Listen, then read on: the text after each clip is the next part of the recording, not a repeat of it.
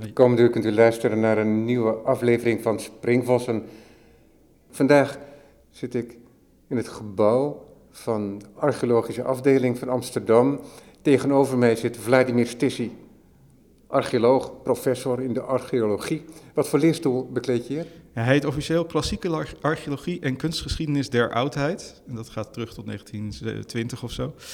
Ja, dus een, een leerstoel die zich eigenlijk met die over het hele mediterrane gebied gaat. Uh, en ja, zowel, laten we zeggen, de meer kunstgeschiedenisachtige kant van de archeologie, dus kijken naar beelden en vazen en dat soort dingen, als uh, ja, gewoon opgraven en uh, ja, de, tussen aanhalingstekens wat modernere archeologie, waar het dus wat meer om mensen en samenlevingen en eh, gaat. En waar we ook wat eh, meer doen met laten we zeggen, het landschap en de natuurlijke ontwikkelingen, eh, geologie, dat soort dingen. We zitten hier onder de prachtige zoldering. We zien het houtgebind hier boven ons hoofd. En we horen op de achtergrond een radiootje en af en toe wat bewegingen, want het gebouw staat in de stijgers en er wordt onder andere geschilderd. Dus dan weet u dat in ieder geval. En wij spraken elkaar één keer eerder, in 2011 meen ik, over een boek dat je in 2017 7 had geschreven. Dat kwam ik tegen. En toen zei hij, ja, dat boek dat is al lang geleden uitgekomen. Ik zeg, maar het boek is nog steeds van belang. En dat was een boek over een heel ander onderwerp. De volkshuisvesting in Amsterdam, over de sociale woningbouw in een periode van 1906-1942, meen ik. Prachtig boek, ook heel mooi vormgegeven door Piet Gerard. En daar hebben we een mooi gesprek over gehad. En ja, jij bewijst je dus kennelijk ook een man van uh, meerdere disciplines. Ja, nou, ik, ik, studeerde ooit uh, archeologie en ik studeerde ook kunstgeschiedenis, omdat ik eigenlijk niet kon kiezen. En uh, in die kunstgeschiedenis ben ik in de architectuur uh, beland. Ja, uiteindelijk in de archeologie bleek eerder werk, eigenlijk is het heel simpel, bleek eerder werk te zijn toen ik afgestudeerd was. Dus daar ben ik in blijven hangen. En daarnaast is die architectuur ook nooit helemaal weggegaan. En ik vind het alle twee leuk. Die architectuur heeft veel meer met nu te maken en ook met Amsterdam in mijn geval. En uh, ja, dus dat komt heel dichtbij. Het gaat over de omgeving waarin we nu leven. Het gaat ook over problemen die voor een deel heel actueel zijn. Hoe we omgaan met sociale woningbouw. Dat is, dat is natuurlijk op dit moment weer helemaal bovenaan de agenda. Um, terwijl ja, de, architectuur, de archeologie is, zeker, die is een beetje stoffiger, dat is langer geleden, is wat verder weg, is wat exotischer. En juist die combinatie vind ik wel heel fijn. Dat je niet alleen maar met één ding bezig bent. En ook in de archeologie ben ik wel redelijk divers bezig. Maar ja, toch uh, die, uh, iets wat wat dichterbij komt, uh, er af en toe ook bij doen. Ja. het is wel een beetje minder geworden, maar dat, dat vind ik toch wel fijn. Ja. ja. Ja. ik denk dat je boek, gezien het huidige tijdsgevricht, alleen maar aan belang heeft gewonnen. En, luisteraar, het is nog te vinden op internet, in, bij boekwinkeltjes en dergelijke, en bij de slechte, heb ik gezien. Ja, ik geloof dat tot, in ieder geval tot voor kort had museum het schip er ook nog een paar liggen. Maar oh, nou, ga ja. kijken bij ja, museum, museum het schip, dus sowieso de moeite waard om het te bezoeken. En dan het onderwerp voor vandaag. Dat is niet een specifiek object, dus zoals ik hier wekelijks bespreek met meestal kunstenaars. Want jij bent ook directeur van een opgraving in Griekenland, niet heel ver bij Athene vandaan. Hè, om, om ja, de, drie, drie, uur rijden. Drie uur rijden, maar voor Nederlandse begrippen is dat enorm. Maar in Griekenland alles is relatief. Ja. En dat is een plek die in de oudheid de naam Halos droeg. Ja. En tegenwoordig heet dat Magula Platonioniki, heb ik dat goed? Zoiets, ja. nee, ja, dat is wel goed. Uh, ja, het is niet meer een plek echt, hè? Nee, het is nu uh, eigenlijk gewoon een weiland. Uh, het is nog wel herkenbaar, omdat het, het, het, het, ligt in een heel vlak kustgebied. Eigenlijk tot voor kort was het een moeras, maar ook in Griekenland hebben ze, laten we zeggen, polders en droogleggingen. Dus het is in de 19e eeuw en in de 20e eeuw is, is het gebied ontgonnen en drooggelegd. Maar de, de plek waar de stad vroeger lag, of stadje, die is wat hoger, omdat, juist omdat ze er woonden, de muren werden van ongebakken klei gemaakt. Dus elke keer als een huis gesloopt werd of instortte, bleef de klei achter. En dus woonplekken in dat soort gebieden, die worden steeds hoger. En die steken dus als een soort bult boven het landschap uit. En bovendien weten we inmiddels, door grondboringen en, en dat soort onderzoek, dat toen de plek bewoond werd voor het eerst, uh, dat het al een, een, bult was. Wat dat betreft lijkt het wel een beetje op het Nederlandse duingebied, waar je ook ziet dat veel bewoning ligt op van die strandwallen en duinruggen en dat soort dingen. Nou, dat is daar ook. Dus als je daar boort, dan merk je dus dat de plek waar de, het stadje is, dat die in de ondergrond wat boven zijn omgeving uitsteekt.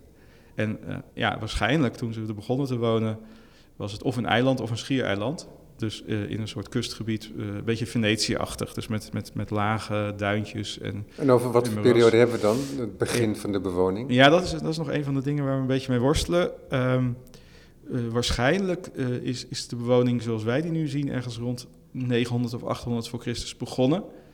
Maar we hebben ook oudere dingen die voor een deel heel diep zitten.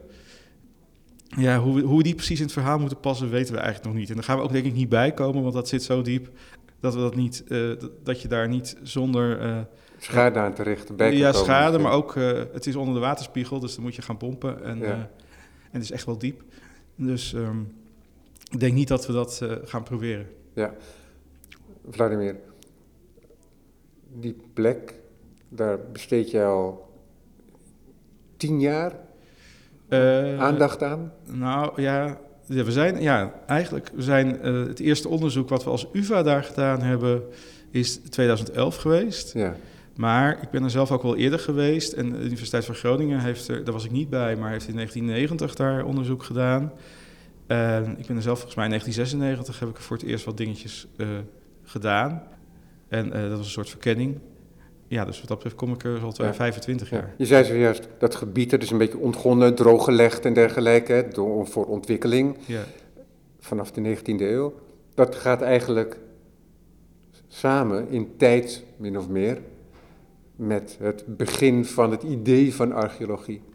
Ja, ja, ik weet, in dit geval heeft dat denk ik niet zo heel veel uitgemaakt. Het is wel zo dat er in 1908 voor het eerst is opgegraven. En uh, ja, toen was het inderdaad wel ook. Het, gebied was ook pas sinds 1881 Grieks. Daarvoor hoorde het nog bij het Turkse Rijk.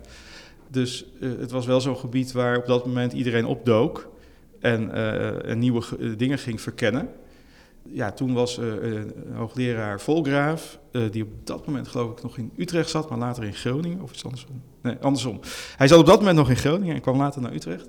En, Ondanks zijn naam een Nederlands archeoloog? Ja, ja wel van Duitse afkomst, maar hij is wel, uh, zijn vader... Maar zo, zo, werd hij vermeld in jullie artikel. Ja, ja, ja, zijn vader was uit Duitsland naar Nederland gekomen en ook als, als geleerde. Um, Nee, hij, ja, hij was op zoek naar een bepaalde tempel, die volgens sommige teksten uit de oudheid heel groot en belangrijk was voor, voor, de, voor heel Noord-Griekenland eigenlijk.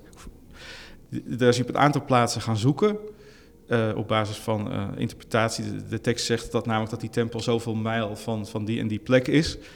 Het probleem is dat zoveel mijl van, van de plek van uitgangspunt er helemaal niks is. Dus de geleerden hebben altijd gedacht dat het moet dus, er moet een schrijffout in zitten ja, dan kun je natuurlijk alle kanten op, want eh, dan kun je van, uh, van 10 kun je 20 maken of 100, zeg maar. Maar volgens uh, Volgraaf moest het in deze regio zijn. Dus hij heeft eigenlijk allerlei plekken waarvan hij dacht dat er oudheden waren. Heeft hij uh, gaten gegraven om te kijken wat er was. En op al die plekken kwam hij wel oudheden tegen, alleen niet die tempel die hij zocht. Dus uiteindelijk is, is, is, hij met dit project gestopt, omdat hij nooit gevonden heeft wat hij vond. Maar toen werd wel duidelijk dat er op deze plek oudheden waren. En in, in later tijd heeft men de, de plaats dus wel in de gaten gehouden. En uh, uh, bij ploegen en hoe heet het, ruilverkaveling en verdere ontgingen kwam er van alles tevoorschijn. Vooral, vooral stenen met teksten erop, grafstenen, stenen die bij heiligdommen werden gezet met wijdingen. Dus dat mensen een cadeautje gaven aan de god en dat erop schreven. Dus men wist dat er wat aan de hand was. Maar vlakbij ligt een veel grotere uh, ruïnestad met een enorme stadsmuur. Dus die heeft altijd alle aandacht uh, gekregen. En, en, en, dit, dit heuveltje in het moeras lag er een beetje uh, bij. En dat veranderde iets toen er in de jaren 80 een grote fabriek vlak naast werd gebouwd. En toen werd de archeoloog een beetje wakker en die hebben de, eigenlijk de fabriek begrensd. Ze hebben hem niet uh, tegengehouden, maar uh, het hek van de fabriek is precies tegen de rand van deze uh, opgravingsheuvel aangezet. en ze mochten niet verder met de fabriek. Maar dat vond de fabriek nooit leuk. Dus ze zijn altijd een beetje blijven duwen. Zo van, ja, maar het is, dat stelt toch niks voor en we willen groeien en, enzovoort. Maar dat hebben de archeologen altijd weten tegen te houden. ja, dus in die zin heb je ook weer de typische situatie van de maatschappij die vooruit wil en de archeologie die, het, die het lastig vindt. Maar goed, daar, daar hebben we ook ons project aan te danken. Want op zich is er geen- niet echt een reden om zo'n plek als deze op te graven als er niks gebeurt. Want, ja, het Nee, ligt- precies, maar ja. dan, is, dan, dus, dan is het iets in het hedendaagse wat helemaal niks met die archeologie te Nee. maken heeft. Maar dat wel inbreuk kan maken op een, ja, laten we zeggen, potentieel interessante site. Maar Ja. daar zijn er zoveel van. Ja, eh, dat het moeilijk is om te kiezen. En de urgentie, die komt dan daardoor.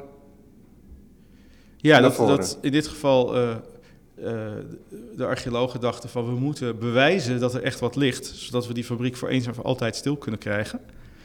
En omdat Nederlanders, de Universiteit van Groningen en later ook de UvA al in dat gebied actief waren, Ja. hebben ze gevraagd van kunnen jullie niet eh, samen met ons dat gaan doen? En dat zijn we gaan doen. Ook omdat we wel het gevoel hadden dat er inderdaad wel interessante dingen Ja, want zo'n opgraving, dat is niet alleen Vladimir Stissi die met, met kwastjes en schepjes daar zit. Maar die, dat is een hele conglomeraat, een hele organisatie. Ja. Eh, ja. Ja, we zijn eh, meestal met een man of 40, 50 eh, bezig. De helft Grieks, de helft Nederlands.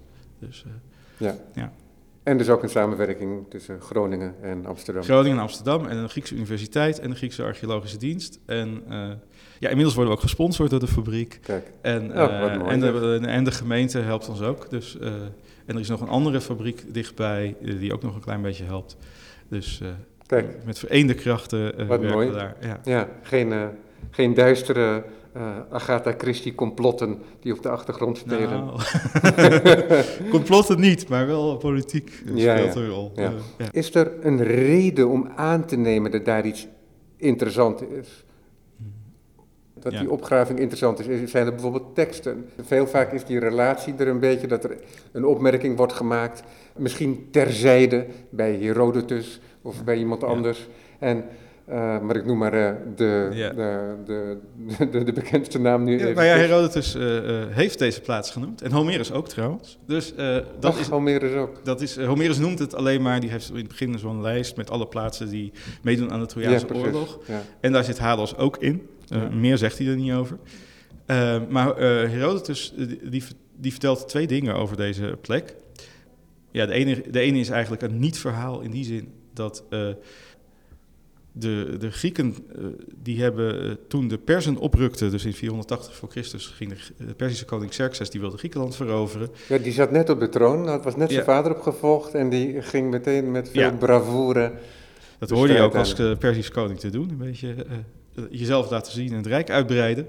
En ehm, ja, de, de Grieken hebben, voordat ze bij Thermopylae een laatste poging hebben gedaan, die iedereen wel kent van de 300 Spartanen en de Onder aanvoering van Leonidas. Leonidas. En eh, nog 2000 anderen die altijd vergeten worden, maar goed. Ja. Ehm, ja, die, eh, eh, ze hebben eigenlijk daarvoor nog een paar van dat soort pogingen gedaan die nooit tot, gelukt zijn. En in één daarvan landde het Griekse leger vlakbij Halos. En trokken ze vervolgens naar het noorden om de Persiërs tegen te houden. Maar halverwege dachten ze, nee, dat, gaan we niet, dat, gaan we niet, dat gaat ons niet lukken. En toen zijn ze weer teruggegaan. Eh, dus ja, dat is een beetje een non-verhaal. Maar er is nog een ander, eigenlijk ook weer een non-verhaal. Xerxes rukte dus op naar het zuiden en kwam op een gegeven moment... In 480. In 480. En kwam dus eh vlakbij Halos, want dat, is nog steeds ook de snelweg naar Athene. En dat was het in de oudheid eigenlijk ook al.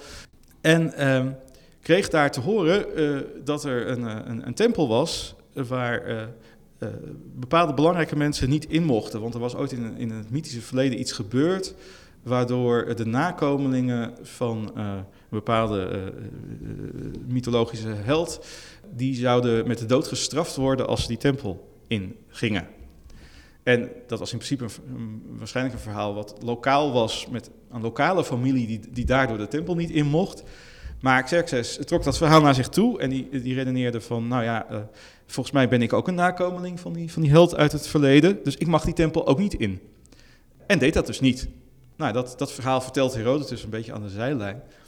Ja, eh, het, het zegt ons in ieder geval dat Hades op dat moment bestaat en dat er een tempel was die blijkbaar zo belangrijk was dat er een verhaal over verteld werd. Het betekent waarschijnlijk ook dat dit, is typisch zo'n verhaal wat de lokale mensen, zeg maar 50 jaar later, toen Herodotus schreef, vertelden van, ja, opa vertelt en die grote Xerxes was bij ons, maar eh, we hebben toch nog iets gedaan met hem. Eh, dus Ja, want die tocht die vond plaats toen hij ongeveer geboren werd. ja, dus. eh, en we weten ook niet zeker of Herodotus wel in het gebied geweest is, maar blijkbaar heeft hij op een of andere manier het verhaal opgepikt. Hij kan toch nooit overal zijn geweest waar hij over geschreven Nee, heeft? dat weten we ook zeker dat hij dat niet was. Dus eh, ja. Maar goed, dit is wel een verhaal wat redelijk aannemelijk klinkt als niet dat het ooit gebeurd Ja. zal zijn, maar dat dat, dat lokaal verteld werd. Ja. ja, maar er is hier niet hè, wat je dan eh, in een romantisch perspectief over archeologie, een vooruitzicht dat daar iets specifieks wordt gevonden, hè, zoals wat Schliemann, Ja. die, eh, Nou ja, de hoop, eh, eh, die, veel, ging, die, die ging op zoek naar, eh, naar het mythische Ja. Troje. En, nou ja, eh, eh, het is nog steeds, we weten nog steeds niet waar die tempel waar Herodotus over spreekt lag. Ja. Eh, een van de opties is dat die ergens in de plek ligt waar wij graven. hoe groot is de opgraving? Ja, de, eh, de opgraving is heel klein. Eh, eh, wij hebben, eh, laten we zeggen, ik denk dat we in totaal nu 200, eh, nou, eh, met eh, 300 vierkante meter opgegraven of aan het opgraven zijn. De plek zelf is ongeveer 7 hectare. Eh, maar 7 hectare opgraven, dat doe je tegenwoordig niet meer zo snel. Ja. Eh, ja, we hopen nog wel wat uit te breiden. Maar eh, ik denk niet dat we heel erg veel boven de 5, Ja, want 600 jullie hebben ook um, komen. via luchtfotografie een beetje een demarkering van de stad. eh, Ja, nee, dat is het. eh, eh, we weten dus dat de plek 7 hectare is. Voor een deel omdat de heuvel waar die op ligt zo ongeveer zo groot is. Maar we, kunnen, we hebben luchtfoto's en we hebben ook, je hebt tegenwoordig grondradar, dat je over de grond loopt en erin kijkt als het ware met elektronische apparatuur. En daaruit kun je ook inderdaad zien dat de hele heuvel, eh, voor zover we die bekeken hebben, maar eh, eh, inderdaad bebouwd is geweest, in ieder geval op enig moment. Ja, en dan zie je met name de terrassen misschien en een ommuring. We zien, een, we, zien, nou ja, we zien iets wat op een ommuring lijkt. En op één plek komt ook nog iets wat op een ommuring lijkt, een beetje boven de grond. Wat, wat boven de grond komt is nieuwer dan de oudheid. Maar het is een hele mooie rechte lijn met een hele steile helling. Dus het lijkt dat daar wel een muur in zit. Ja, en alsof het een voortzetting is wellicht van die oude Ja. muur. En, ehm, maar eh, op een andere plek hebben we die, die grondradar, een grondradar ding, wat een hele eh, strakke rechte lijn is, ook weer aan de rand. Hebben we, zijn we begonnen met opgraven met het idee van inderdaad, misschien zit dat een muur. Maar dat blijkt eigenlijk een weg te zijn of een straat. Kan nog zijn dat er onder die straat nog een muur ligt, maar het lijkt er eerder op dat aan die kant de, de, de begrenzing van de plaats een straat was en geen muur. Wat ook kon, omdat er gewoon eh, het water daar begon. Dus het moeras. Dus eh, er was niet echt een muur nodig, want je kon, je kon er niet komen. Dus ja, eh, maar die begrenzing hebben we dus inderdaad aan, aan, aan drie kanten van de vier. Dus dat geeft een beeld. En verder hebben we op die grondradar kun je, en op de luchtfoto's kun je straten zien en blokken met bebouwing. Eh, eh, ook wel een paar gebouwen die redelijk apart staan. Ja, dus eh, het lijkt erop dat we ook wat openbare gebouwen hebben. En vooral verder heel veel huizen, wat je ook wel verwacht op in de stad natuurlijk. Ja, ja. En die, die 300 vierkante meter, die wordt dan meticuleus Ja. afgebakend. En dat moet allemaal in kaart gebracht worden, want je moet ook precies kunnen herleiden als je iets vindt waar je het hebt gevonden. Hè, ook Ja. voor achteraf, voor analyses achteraf. Omdat je niet weet wat je daarna gaat vinden Nee, en wat ja. voor verbanden Ja. je kunt leggen. Ja, dus, Dus, eh, dat is een hele administratie ook, hè? Ja. de 3D-administratie. Ja, en ja, ja, dat is, eh, het, het gaat zowel om de verticale lagen als natuurlijk ook om de, laten we zeggen, de horizontale plek waar je wat vindt. Eh, dus ja, we maken elke dag een soort plattegrondje van de stukken die we opgraven. Eh, en we bepalen de hoogtes van, van, laten we zeggen, dat plattegrondje, maar ook van de belangrijke vondsten. En de minder belangrijke vondsten, eh, omdat je de laag registreert waar ze uitkomt, kun je dan op basis van, de, Ja. eh, van, van die metingen eh, wat minder precies, maar toch ook nog steeds vrij precies plaatsen. Dus het is eigenlijk ja, een soort, soort spekkoek, die, maar dan niet met rechte laagjes, maar met hele onregelmatige laagjes, die je opgraaft. En ja, we gaan ook, tot, eigenlijk, je zegt driedimensionaal, wat je opgraaft is natuurlijk driedimensionaal, want het is een gat in de grond. Maar de traditionele archeologische documentatie is altijd tweedimensionaal, want je werkt met plattegronden en soms ook met doorsnedes. Eh, maar we gaan nu, eh, tegenwoordig is alles natuurlijk wel 3D eh, als je de computer open aanzet.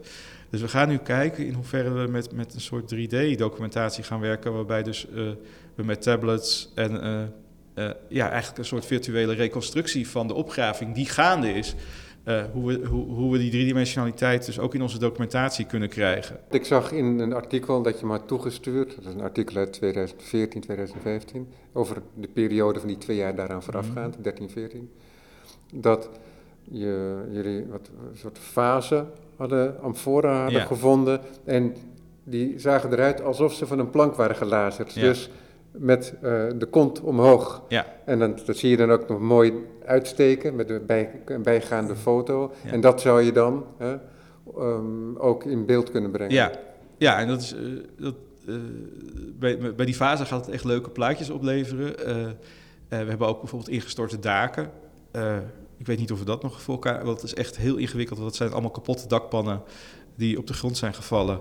En ja, als je, als, je, als je dus inderdaad een tekening zou kunnen maken met, of een foto met al die dakpannen erin en je haalt dan de grond weg, dan krijg je dus een soort gerimpeld, ingestort dak in beeld dat, dat, dat soort dingen uh, kunnen we dan uh, beter zien. Dan kunnen we misschien ook beter bekijken welke dakpannen bij elkaar horen en zo. Ja, en die fase, ja, waarschijnlijk is het een, nou zeker, het is een plek waar heel veel aardbevingen zijn, nog ja, steeds. Want, ja, want dat is een bijkomend probleem, hè. Er zijn oorlogen. Ja.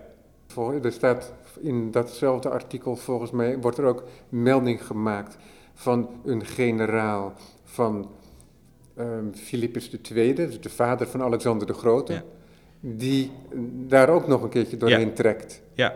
ja, dat is ook een generaal van Alexander Dus dan hebben we het over 346, meen ik, als ik het goed heb onthouden. 346 voor Christus. En dat, was, uh... en dat is ook de schrift gesteld, daarom weten we dat zo nauwkeurig. Ja. Maar dus het is me moeilijk, wil ik zeggen, om zo'n gebeurtenis, hè, mocht die man echt de, de stad met de grond gelijk hebben, willen maken, omdat uh, te zien wat nou door een aardbeving is gebeurd of door de mensenbeving. Ja. Nee, dat is zeker lastig. En toen we dat artikel schreven, wisten we dat nog. Was dat een van de dingen waar we mee worstelden? We hadden dus uh, in een van de diepere opgravingsputten. zagen we een opeenvolging van, van drie of vier verwoestingen. En uh, waarvan we wel wisten dat de oudste, laten we zeggen, te oud was voor 346 voor Christus. en de jongste te jong. Maar daar zaten er twee tussen, één of twee die eventueel in aanmerking zouden kunnen komen. Maar normaal als je een militaire verwoesting hebt, dan, dan vind je brandsporen. Ja, dan vind je toch wel aanwijzingen uh, dat er met geweld uh, iets uh, kapot gemaakt is. En dat zagen we nu niet. Um, nou, we hadden ook een, was dit een heel klein opgravingsputje. eigenlijk het, het, de, de, plek waar we diep genoeg waren was ongeveer 2 bij 2 en nog eentje van 1 bij 1, maar dat is dus echt heel weinig. Um, dus ja, daar worstelden we mee. En ook in een andere opgravingsput hadden we ook iets wat beetje wat, wat verwoesting zou kunnen zijn, maar ook weer niet. En nou, inmiddels hebben we op een andere plek nog een. Zijn we gaan opgraven waarvan we wisten dat er eigenlijk niks, ook door eerdere verkenningen, niks van na 346 lag. Dus die bovenste verwoestingslaag ja, op andere wat, plekken. Wat op zich veelzeggend uh, ja. kan, kan zijn. Precies. Dus, uh, want de bovenste verwoesting die elders wel was, die was daar niet. Waarschijnlijk omdat de stad na 346 gekrompen is. Maar goed, uh, daar zijn we gaan graven. En ja, daar kwamen we eigenlijk hetzelfde probleem tegen, namelijk dat je geen verwoesting ziet. Wat inmiddels wel duidelijk is, is dat je eigenlijk een hele dikke laag hebt met puin erin. Met ingestorte muren, met kapotte, uh, maar laten we zeggen, niet meer, in, niet meer bij elkaar gebleven potten. Dus als je zeg op de plek van een aardbeving, dan stort alles in. Dan blijft alles liggen waar het ligt. Dus dan heb je een ingestort dak en dan liggen dan geplette potten onder. Maar dat, die potten kun je zeg maar zo weer in elkaar plakken. Maar in deze laag was dat niet, is dat niet. Daar vind je wel hele grote stukken pot. Je vindt hele grote stukken dakpan.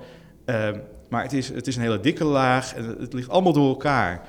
En het lijkt er nu op dat de stad waarschijnlijk niet zo heel erg actief verwoest is. We weten wel dat hij ingenomen is. Dat vertelt de tekst. En die vertelt ook dat de bewoners zijn weggevoerd.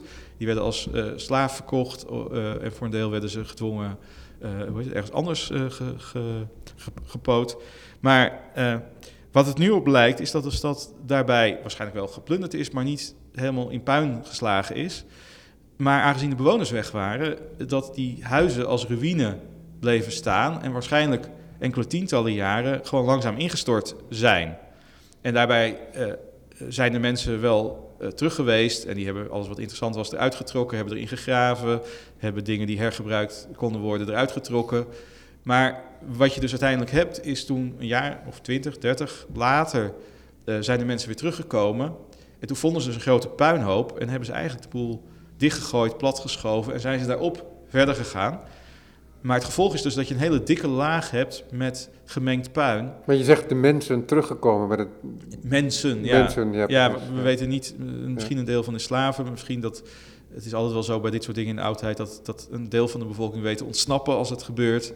Uh, ja, en zolang, het, zolang er, laten we zeggen, degene die... Uh, de Macedoniërs uh, die het veroverd hebben, het niet willen dat, dat er herbouwd wordt, zal het niet gebeuren. Maar als het op een gegeven moment wat langer geleden is, ja, dan, dan kan het weer.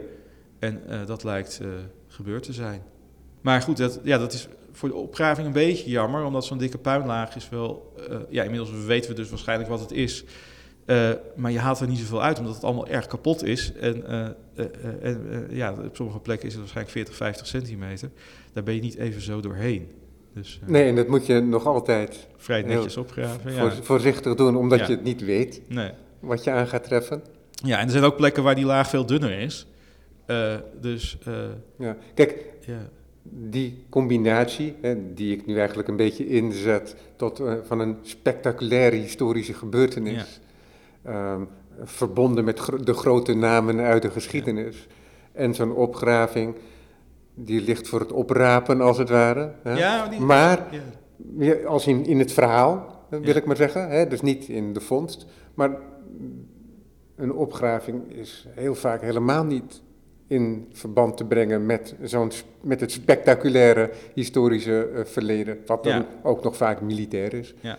Nee, dat geldt zeker in dit geval, want uh, ja, die, die, die, die verwoestingslaag van 346 voor Christus, die is dus archeologisch relatief wat minder interessant, lijkt het. Uh, terwijl wat er boven en eronder zit voor ons veel spannender is. En het interessante ook is dat daar vertelt de tekst niks over.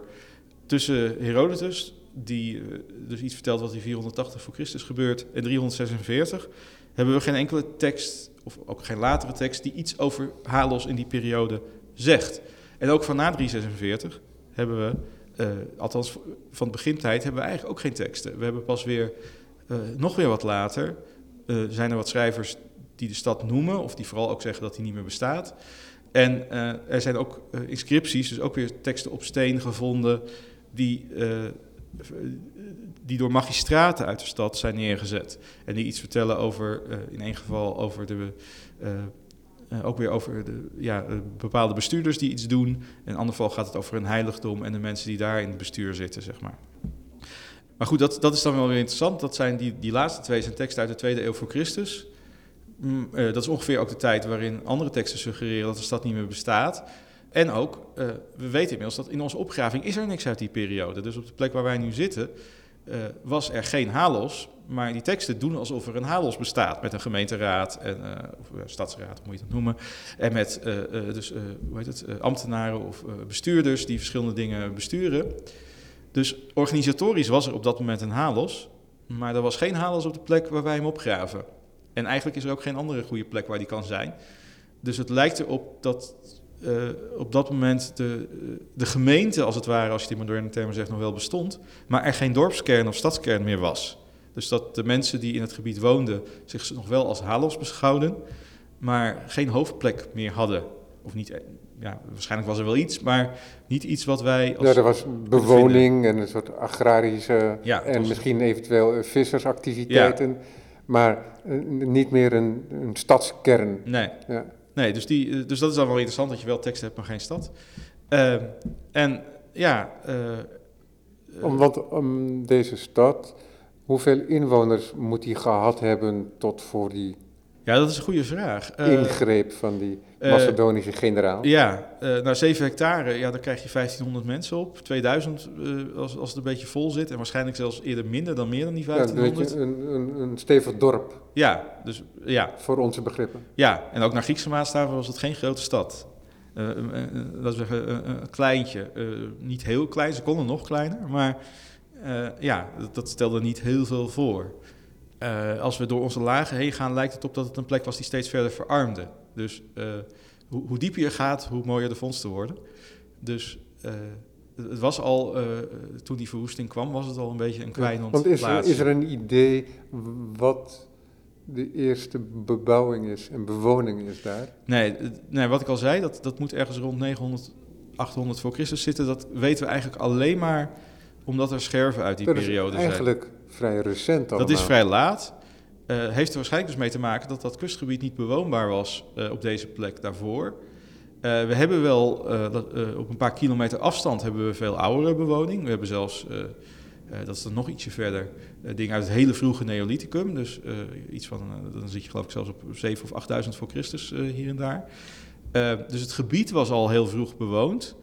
maar dat, dat echte kustgebied, dat hele natte, moerasachtige gebied, dat is eigenlijk alleen maar bewoond geweest op, in periodes dat de zeespiegel wat lager was, dat het land wat hoger was.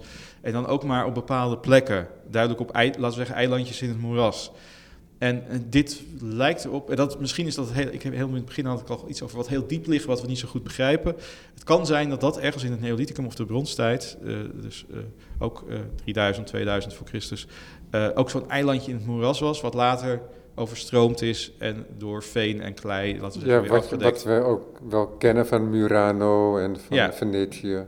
Of van Nederland. Ja, nee, ja, uh, van Nederland ja, ook. Dat, nee, nee, maar ik probeer het een beetje nee, te dat- denken in het ja. Middellandse Zee. Ja, Ja. nee, dat bestaat dus vaker. En ja, het lijkt er dus op, eh, en ook de geologische, eh, het probleem is dat we die, die, er zijn grondboringen gedaan waar je heel mooi kunt zien de lagen, dus wanneer het moeras was, wanneer het zee was, eh, wanneer het eh, zoetwatermoeras was, eh, wanneer het droog was. Eh, dat kun je aan de grondsoorten en de schelpjes en dat soort dingen in die boringen zien. Eh, maar dat soort boringen dateren is vrij lastig. Dan moet je dus organisch materiaal vinden, dus plantenresten of eventueel dierlijke resten. En die kun je dan enigszins dateren. Maar ja, eh, laten we zeggen, een, een, een rot takje wat op de bodem van een moeras terechtkomt, dat kan, dat kan 100 jaar oud zijn, dat kan 50 jaar oud zijn, het kan vorig jaar doodgegaan zijn. Maar ja, dat, de datering van die, van die boringen suggereert dat waarschijnlijk ook niet zo heel ver voor 8 of 900 voor Christus die strandwal waar dat huis op gebouwd is, een soort duinruggetje, een zandruggetje, pas echt bewoonbaar werd. Dus Ja. dat het niet meer overstroomde. Er komt een hoop samen hè, binnen archeologie. Ja. Omdat je dus geologische Ja. eh, specia- specialiteit moet hebben. Op een bepaalde manier helemaal bij zo'n bewegelijke kust. Ja, In een aardbevingsgebied Ja. bovendien. Ja. En die kust die was kennelijk heel bewegelijk, want er Ja. zijn heel veel verschillende lagen. Als ik de kaarten Ja. die bijgeleverd werden bij het artikel, dan zie je heel duidelijk met verschillende kleuren, schematisch weergegeven, hoe dat werkt. En die zie je ook lagen echt onder elkaar heen duiken. Ja, dat heeft ook met die aardbevingen te maken. Want eh, de aardbevingen in dit gebied die gaan ook samen met wat dan tektoniek heet. Dus dat de, de, de, eh, er zitten scheuren in de, in de bodem. En eh, daar eh, aan, beide kanten van een scheur zit dus, zitten aardlagen. En die duwen tegen elkaar. Maar dat betekent dus als er een aardbeving komt, dan verschuiven ze iets. Maar dan verschuiven ze niet alleen maar in de breedte, maar ook in de hoogte. Eh, dus dan gaat eh, één laag omhoog en de andere omlaag. Of, eh, en eh, nou, ook bij recente aardbevingen zijn dat soms in dit gebied grote eh, eh, verschuivingen. Dus ik, ik heb foto's gezien van aardbevingen uit 1980 van, van gewoon een akker. En dan loopt er dwars door de akker een scheur. En dan aan de ene kant van de scheur is de grond 40 centimeter hoger dan aan de andere kant. En dat is dus gewoon bij zo'n aardbeving gebeurd. Er was laatst ook in Nieuw-Zeeland een aardbeving waar je dat soort foto's had. Dat was geloof ik nog, nog iets meer. Maar ja, 40 centimeter in een kustmoeras betekent, kan het verschil betekenen tussen iets wat altijd onder water staat en iets wat bijna altijd droog is. Eh, en eh, die scheuren, het zijn er meerdere, die lopen dwars door dit gebied heen. Dus het kan ook zijn dus dat links van de scheur iets alles omhoog gaat en rechts van de scheur alles omlaag. Eh, en ja, dan, verandert dus eh, de, ook de stroming in het gebied. Er zijn, er zijn rivieren die eruit komen, eh, de zee die er dan over, instroomt. Dat verandert enorm. Dus dat maakt het zo ingewikkeld. En ja, het kan, dus, het, het kan dus ook zo zijn dat het feit dat deze plek verlaten is, ja, ergens in de derde eeuw voor Christus, misschien domweg kwam omdat het, de mensen te natte voeten kregen. Of dat bij een storm of zo, dat het niet meer veilig was. Of dat de haven niet meer toegankelijk was. Ja, precies. Want dat is ook een, eh, een van de ideeën is misschien dat, de, de, net als in Venetië, dus dat, dat er een soort lagune was die een hele goede haven was. Dus dat je naar binnen kon varen Ja. en dat je dan achter de duinen eh, veilig je schip kon eh, Ja. uitladen.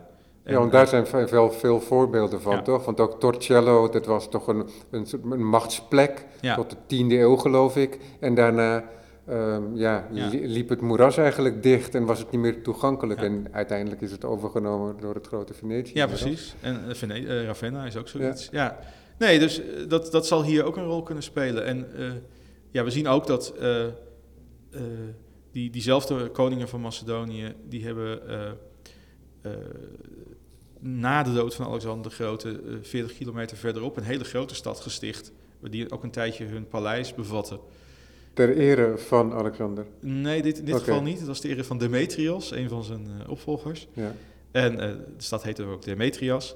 Maar het, eh, ja, de- dat speelt dus ook nog een rol. Dat is dan na 323. Ja, dit, die De stad dood is ergens van er- Alexander, ja, ja. deze stad is ergens in het begin van de derde eeuw voor Christus gesticht. Maar het zou kunnen zijn dat de concurrentie van die stad, die ook een hele goede haven had, eh, of die misschien juist een goede haven had, en die ook in zo'n gebied ligt waar de kust enorm veranderde. Maar het kan dus zijn dat de, de combinatie van politiek en geologie eh, eh, ervoor zorgde dat Halos geen toekomst had en Demetrios juist wel. Dus ja, ja. dus, zo, zo gaat dat. ja, zo gaat het, maar het is tegelijkertijd heb je te maken dus met die plek waar je veel tijd aan besteedt, want je gaat er Mhm. elk jaar in ieder geval heen, denk Ja. ik, voor de opgraving. En hoeveel tijd besteed je daar dan? Nou, de opgraving is elk jaar eh, ongeveer een maand echt graven en dan nog wat dagen daarvoor en daarna, dus dat is een week of vijf. Eh, maar eh, ik ga ook altijd, in het voorjaar moet alles voorbereid worden, dus dan, dan ga ik ook een week. En in de winter besteden we ook tijd aan, dat doen we in de zomer ook, maar dat, dat, dat red je gewoon niet. Dus in de winter neem ik ook studenten mee en dan gaan we in het eh, opgravingsdepot werken aan de vondsten. En dat is ook eh, En wat betekent dat, werken aan de vondsten? nou ja, dat, eh, in de zomer is alles al gewassen en gesorteerd. Dus dan weten we waar het vandaan komt. En ook dingen die aan elkaar passen, die zijn bij elkaar gezocht. En dus dan hebben we, laten we zeggen, een soort overzicht. En in de winter gaan we dan dat die zakken met materiaal nog een keertje door. om de spullen eruit te halen waar je als archeoloog wat mee kan. Omdat je ze kunt dateren op basis van hun stijl of hun vorm. Of omdat je kunt zien eh, wat voor soort pot het was. Dus eh, we hebben eh, opslagkruiken, die amforen waar we het al over hadden. Maar we hebben ook kookpotten. en we hebben drinkbekertjes en dat soort dingen. Nou, we proberen dus een beeld te vormen van dat materiaal. Aan de ene kant om te zorgen dat we de lagen kunnen dateren. Dat we weten van als er scherven uit, uit een bepaalde periode in zitten, zal die laag ook wel ietsje jonger zijn of iets, zoiets. Ehm, Al is dat weer moeilijk, omdat je met die aardbevingen met al die, kunt ja, dat is best Ja. ingewikkeld. Maar, ehm, en dat is dus ook waarom het een tijdje duurde voordat we bijvoorbeeld door hadden waar die verwoestingslaag van 346 zat. Ja, die, daar heeft eh 30 jaar lang hebben mensen er in, rondgerommeld en meteen daarna hebben, zijn ze erop gaan bouwen. Eh, dus eh, in het begin dachten we dat het nog, dat het laten we zeggen uit de, uit de tijd van die herbouw was. Eh, maar pas later merkten we dat toch wel eigenlijk het meeste materiaal in die laag gewoon eh, van ongeveer eh, halverwege de vierde eeuw voor Christus is. Dus ja, dan, dan, dan, weet je het wel, zeg maar. Dus dat is één ding wat we met dat materiaal doen. Maar we proberen ook te kijken, we, wat we opgraven zijn toch stukken, vooral huizen. Ja, door te kijken naar het soort aardewerk wat op bepaalde plekken wordt gevonden, kun je kijken hoe zo'n huis in elkaar zat. En eh, uiteraard, ze, ru- ze ruimden hun huizen op. Dus in principe, eh, eigenlijk zou je in een huis niks moeten vinden. eh, want eh, ja, je zorgt ervoor dat je kamers schoon zijn. En als je een huis verlaat, neem je alles mee. Maar ja, juist dankzij die verwoesting en de aardbevingen ook, is dat niet zo. Dit was wel een plek waar flink wat vaatwerk er doorheen ging, welke aardbeving. Zelfs als het, zeg maar, het huis bleef staan, zullen er behoorlijk wat scherven ontstaan zijn. En ehm, ja, je hoopt dan toch dat een deel van die scherven in, in, in de, op de plek blijft waar ze gebruikt eh, worden. Want weet die plekken, hè, want je hebt gewoon een paar van die plekken waar Ja. jullie graven, dus Ja. niet, er is niet één, Nee. één gat. Weten jullie wat die plekken zijn geweest, of het woonhuizen zijn geweest, of een openbare functie had? Of- Ja, we, eh, de, we, we graven eigenlijk nu op, op dit moment op twee plekken op, die alle twee huizen zijn geweest, althans. Eh, op één plek is dat heel zeker. Dat, is, eh, dat zijn huizen uit, eh, uit die latere fase, dus uit de derde eeuw voor Christus, die waarschijnlijk door een aardbeving verwoest zijn en waar je dus eh, inderdaad hele, gewoon ingestorte daken vindt met daaronder complete potten die geplet zijn en ook wel een beetje door elkaar gegooid, maar die duidelijk, dat zeggen, die huizen zijn ingestort en daar is men redelijk van afgebleven. Dus dat is heel helder. Maar de plek, dat is de plek waar de Griekse Universiteit vooral graaft. En de plek waar de UvA eh, vooral graaft. Dat lijken ook huizen te zijn, maar dat is niet helemaal zeker. Dat is ook de reden dat we daar graven. Wat we daar namelijk hebben, dat, dat eh, Griekse huizen in, in dit gebied, dat zijn normaal gesproken eh, huizen met een binnenplaats waaromheen kamers zijn. En je komt via de binnenplaats binnen, dan zijn daar keukens en woonkamers en die zijn voor een deel ook door de plattegrond te herkennen. Die huizen hebben een soort vast stramien. Maar waar wij nu aan het graven zijn, zijn geen binnenplaatsen, maar dat zijn stroken met vrijwel gelijke kamers. Dus eh, ja, eh, een soort hokken, ze zijn wel vrij groot, 4 bij 5 ongeveer. maar dat zijn dus rug aan rug. je hebt dus één kamer aan de straat en dan daartegenaan staat een kamer die dus aan de overkant, zeg maar, als het ware, aan de volgende straat ligt. En dat zijn hele lange, dunne stroken, dus van twee kamers diep. En dan zijn ze ja, iets van 15, 20 kamers breed. En alle kamers zijn ongeveer even groot. En ja, zo ziet een huis er niet uit. Um, een soort kazerneontwerp. Ja, tenzij dus een barak of een kazerne is, wat even misschien zou kunnen. Wat een andere mogelijkheid is, is dat het werkplaatsen en winkels zijn. En dat we eigenlijk in een soort winkelcentrum zitten. Um, dat, dat, die mogelijkheid weten we omdat er uh, elders in Griekenland is er al iets opgegraven wat hier nogal op lijkt. En daar zijn ze al veel verder met opgraven, daar zijn ze al langer bezig. En daar komen ze inderdaad tot de conclusie dat al die uh, hokken, tussen aanhalingstekens, daar vinden ze uh, sporen van een smidse in, daar vinden ze ja, heel, heel, heel veel voorraad in. En dat ligt allemaal naast elkaar, het is allemaal net iets anders. Wel opmerkelijk, zo'n concentratie. Ja, en dat, dat, is, ja, dat zou dan een heel gespecialiseerd iets moeten zijn, wat eigenlijk heel raar is, wat we ook niet verder we weten wel uit, uit teksten uit de oudheid dat, dat we zeggen oh, uh, dat je winkeliers, winkels, winkelwijken had, maar dat is in grote steden zoals Athene. Daar zaten alle schoenmakers bij elkaar en alle wijnwinkels bij elkaar. Ja, nee, dat, Dat, die, van die gilde wijken, dat is hier ook niet helemaal onbekend. Nee, en uh, de, zeggen de bazaar in, uh, in, in, in tot, voor, tot voor kort had je in de Nieuwe Spiegelstraat veel antiquaires. Ja, nee, dat, en in Amsterdam was dat in de 17e eeuw ook zo.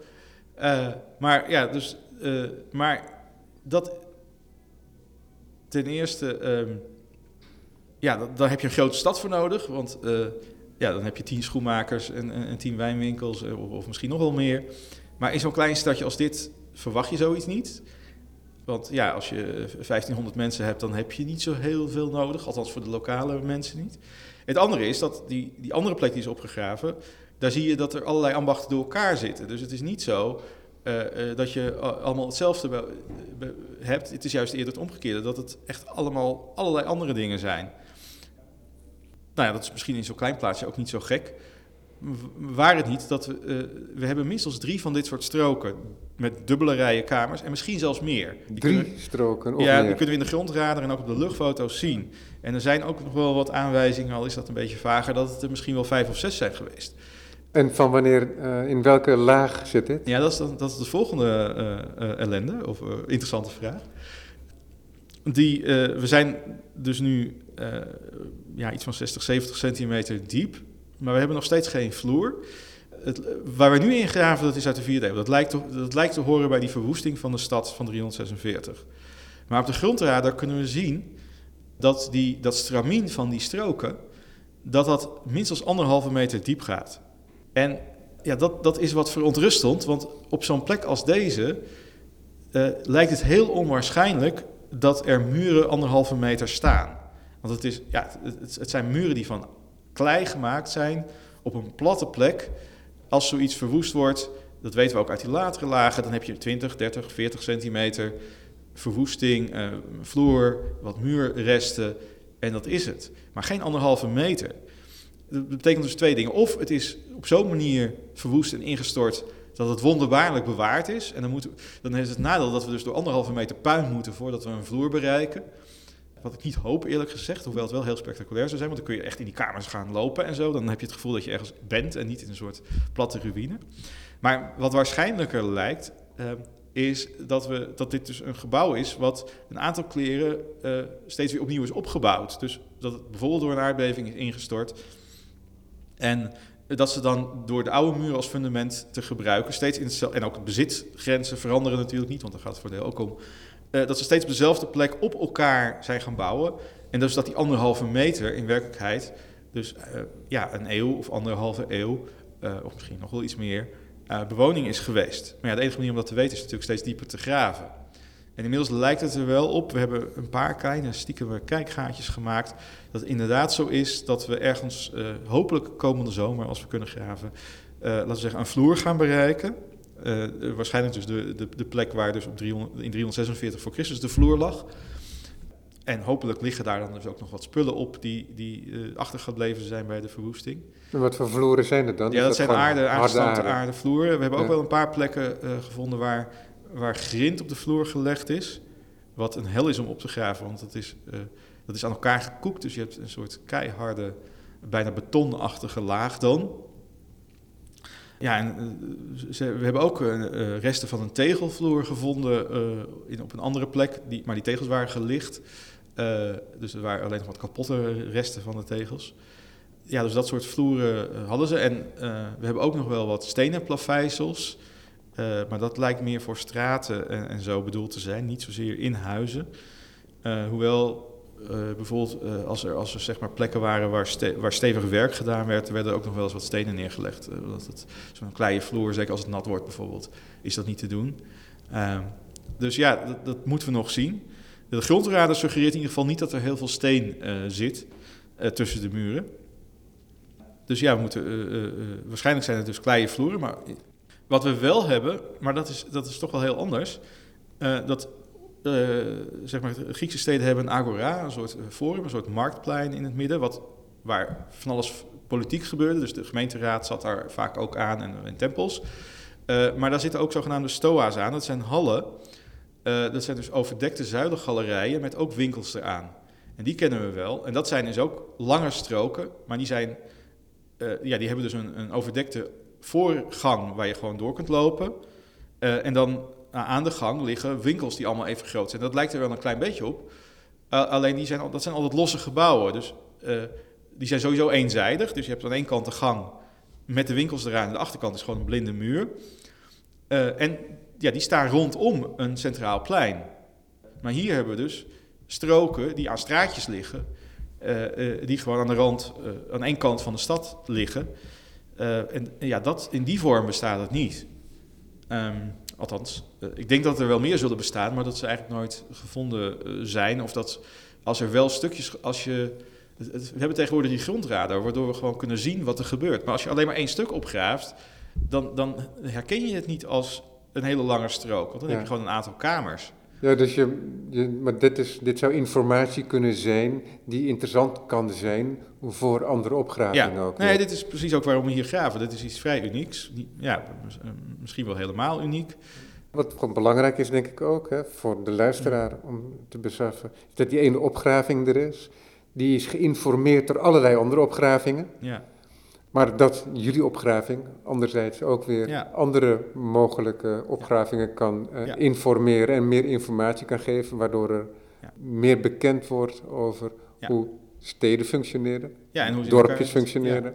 En of ze inderdaad misschien wel veel meer in relatie stonden met de omgeving en dat het veel minder autarkisch was dan bijvoorbeeld gedacht zou kunnen worden. Ja, ja dat is een van de. Kijk, die, die andere plek waar ik het over had in Noord-Griekenland, die is opgegraven met iets vergelijkbaars. Daarvan wisten we al, voordat het werd opgegraven, dat het een belangrijke havenstad was. En die, die, die, die stroken met winkels en werkplaatsen, uh, die liggen daar vlak bij zee, vlak bij de plek waar de haven waarschijnlijk lag. Dus daar is ook de interpretatie, ja, dat is gewoon de havenwijk, waar uh, dus de schepen binnenkwamen, spullen kochten, verkochten. En dan heb je al die werkplaatsen en winkels dat, nou ja, dat, is ook een veel grotere stad. Dus, uh, uh, dus daar, daar is dat niet zo'n verrassende interpretatie. Maar voor een plek als Halos, dat we zeggen, we zitten in een regio die echt, als het een beetje, niet eens zo heel erg chargeert, het diepe Griekse platteland van de oudheid was. Met paardenfokkerijen en graanland en waar helemaal niks gebeurde. En wat ja, toch als al, vrij achterlijk werd en wordt gezien. En ja, daar verwacht je dus niet een handelshaven. En uh, nou was het ook niet een hele grote handelshaven, maar um, ja, het, uh, een van de mogelijkheden is dat inderdaad die stroken dus uh, erop wijzen dat de, deze kuststad niet zozeer een stad was, maar meer, misschien zelfs meer gewoon een soort pleisterplaats. dat verklaart misschien ook waarom de stad vrij makkelijk uh, verlaten is. Dit was niet de plek waar de lokale bevolking. Ja, precies. Net als dat, dat, je, dat Nederland of de Republiek ook factorijen had. En dat waren eigenlijk een soort handelsplekken. Ja. Waar ook wel bebouwing was. Maar dat waren hele pragmatische plekken. Waar mensen niet heel sterk aan de aarde waren verbonden. Nee, de, de lokale, uh, de regionale bevolking zal vooral in de landbouw hebben gezeten. En dit was hun outlet, hun plek waar, uh, waar ze hun spullen verkochten en hun, de spullen die ze nodig hadden aankochten. En daarnaast ja, lijkt het toch ook wel op dat er, er zijn wat openbare gebouwen. Die, die tempel waar Herodotus het over heeft. Er wordt nog een tempel genoemd. Eh, in, in, in, teksten. Het, het zal ja, maar, maar het, is, wat het is interessant natuurlijk, want het is niet één complex in de zin dat het een hoofdentree heeft. En, het zijn allemaal, nee, het zijn allemaal losse aparte cellen als het ware met een eigen ingang. Ja, wat we nog wel, uh, een van de vragen die we ons wel moeten uh, stellen is van, is het in één keer gebouwd? Dus was er bijvoorbeeld de, de lokale, uh, in dit gebied was het vrij aristocratisch georganiseerd. Dus je had een soort stammen en, en, en stamhoofden. En wat we, uh, laten we zeggen, die zouden, als het goed is, uh, dit is ja, enigszins speculatief, maar die zouden ook controle moeten hebben over de handel. al was het alleen maar omdat zij degene waren die, die groot grondbezit hadden. Um, dus één optie is dat die mensen, die zo'n ja, een van 10, 12 families die het gebied bestuurden, dat die zo'n strook neerzetten. En, en, en dat vervolgens voor een deel zelf gebruikte, voor een deel onderverhuurde, zoiets. Uh, dat is een mogelijkheid. Een andere mogelijkheid is inderdaad dat gewoon individuele handelaren, uh, al dan niet met patronage van iemand, zelf de hokjes bouwden. Uh, en dat proberen we nu ook naar te gaan. Dat kan je natuurlijk in principe zien aan de, de manier waarop het gebouwd is. Als het in één keer gebouwd is, dan is het niet heel waarschijnlijk dat uh, hoewel het ook nog wel kan, een soort gilde van handelaren bij elkaar is gaan zitten en gezegd: laten we zo'n strook bouwen. Maar dan is het waarschijnlijker dat er iets van hogere regie was. En inmiddels hebben we, stukjes, we hebben stukken van twee stroken. En de ellende is, de ene strook lijkt in één keer gebouwd te zijn. Heel, heel strak, netjes, vrij, stevig, monumentaal. Maar de, de strook daarnaast, dat is een rommelzooi. Dat zijn allemaal aan elkaar gebreide stukjes muur. En is te zien welke eerder bestond? Uh, nou, die, die, lijken gelijktijdig, uh, de rommelzooi en de, de, laatste fase van de mooie, uh, die lijken gelijktijdig te zijn. Um, ja, ja, maar gelijktijdig wil niet zeggen dat ze gelijktijdig gebouwd werden, maar min of meer tot dezelfde periode behorend. Ja, nee, dat, ja. dat is aardig, nou, ze hebben wel gelijk bestaan. Dus zeg, we, vinden, we, ja. we vinden hetzelfde materiaal in beide.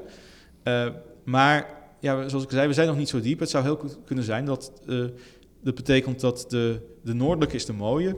Uh, dat die mooie strook, die dus uh, voor zover we nu kunnen zien, uh, en we hebben geloof ik iets van 12 meter bij, bij, bij 5 of zo aan buitenmuur, um, in één keer gebouwd is. En dat zijn dus meerdere kamers. Um, maar goed, het kan dus zijn als we drie meter verderop gaan dat er opeens een nieuwe muur begint. Het kan zijn dat die gewoon al vanaf het begin af aan één ding is geweest, terwijl degene aan de zuidkant, die rommelige, dat we misschien alleen nog maar, want daar zijn we nog niet zo diep, dat de, de, laat zeggen, de eindfase heel rommelig was, maar dat als we iets dieper gaan, dat het ook heel strak en eenheid wordt. En dat het gewoon een situatie is waarbij iets wat uh, ooit als één geheel uh, begonnen is, uit elkaar gevallen is en versnipperd. Ja. Uh, maar goed, dat, dat is ook wat we verder onderzoek ja. moet uitwijzen. meer, want dit is een onderzoek dat heel lang duurt. Ja. Hebben jullie een soort projectlimiet? Ja, in Griekenland, je, je, je werkt in vijf jaren plannen. dat klinkt een beetje communistisch, maar uh, dus je, als je in Griekenland uh, als, als, buiten, als buitenlands of als Griekse universiteit trouwens ook een project indient, dan heb je een vergunning nodig van de overheid. En uh, je krijgt in principe een vergunning voor maximaal vijf jaar. Oké, okay, maar dat is administratief. Ja. Maar is er vanuit het project zelf ook een limiet gedacht? Nou ja, wij zijn nu bezig. we hebben twee van de vijf jaren van ons huidige vijfjaarplan gehad. Daarvoor hebben we een aantal jaren als het ware verkend het plan is toch wel om aan het eind van die vijf jaar die, uh, een afgerond geheel te hebben. En dan vervolgens uh, is het vaak wel zo dat je dan tot de conclusie komt dat je nog een paar kleine dingetjes even wil weten. Dus dat, dat je er nog één jaar aan vastplakt, dat mag ook wel. Uh, maar het is niet de bedoeling, althans volgens nu, denk ik dat we gewoon te veel fondsen hebben om meteen met nog vijf jaar plan door te gaan. Dat zou wel kunnen, bedoel, er ligt genoeg. En ik denk ook dus, dus, je hebt, dus omdat je te veel fondsen hebt, wat een aanleiding zou kunnen zijn juist om weer een nieuw jaar, vijfjarenplan te plannen... Nee, de, zou je kunnen zeggen dat je het juist niet doet? Nee, want de studie van de fondsen, dat valt niet onder het... Tenminste, idealiter ja, wel, maar in de praktijk valt dat nooit onder je vijfjarenplan. Dus we hebben gewoon, denk ik, eh, één of twee jaar nodig om alles wat we in die vijf jaar daarvoor... En dan zou je eventueel later weer terug kunnen keren. En dan moeten we dan vervolgens bedenken van, zijn er nog vragen die we, die we willen weten? Ja. Eh, willen we die vragen antwoorden door dieper te gaan? Want Ja. ik denk niet dat we eh, heel veel dieper dan anderhalve meter of zo gaan Ja, komen. Vladimir, Ja. we zijn aan het einde van het uur. Oh jee. Ja, dat gaat snel. Eh, kijk, ik vind het heel fijn al om dit gesprek met je gehad te hebben. Ik, ben, ik kijk uit naar, naar nieuwe vondsten en nieuwe inzichten. Misschien is het een goed idee om elkaar over een paar jaar weer te spreken. Ja. Nou, misschien Over- komen we wel in het nieuws met een grote vondst. over, over wat, Ja. wat voor veranderend beeld daar is geconstrueerd door jou en je team. Ja. Halos. Ja. Dus, U hoort nog van ons. precies. Vladimir Stissi, hartelijk dank. Ja, dat was fijn om te zijn. Ja.